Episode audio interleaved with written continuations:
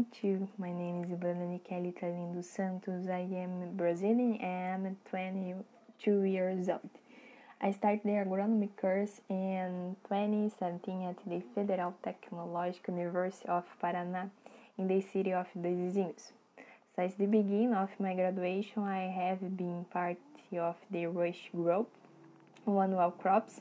I am still part of the group and I am working in the seed analysis laboratory, involving the assembly, evaluation, and the analysis of test seed quality routes.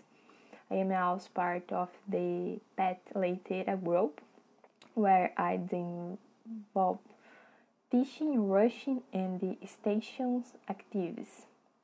These groups have added a lot of knowledge involving responsibilities, organization, uh, solving problems, being proactive, working in groups with different people, and getting to know new places. During my graduation, I also did some plants improving, winterships, work with wheat, oats, corn, and soybeans. During my life, I had the opportunity to work in the field, in greenhouses, and the laboratories. Uh, I hope to see you soon. Bye. Hello, everyone. What adventures? Be curious. Curious is an important characteristic in life.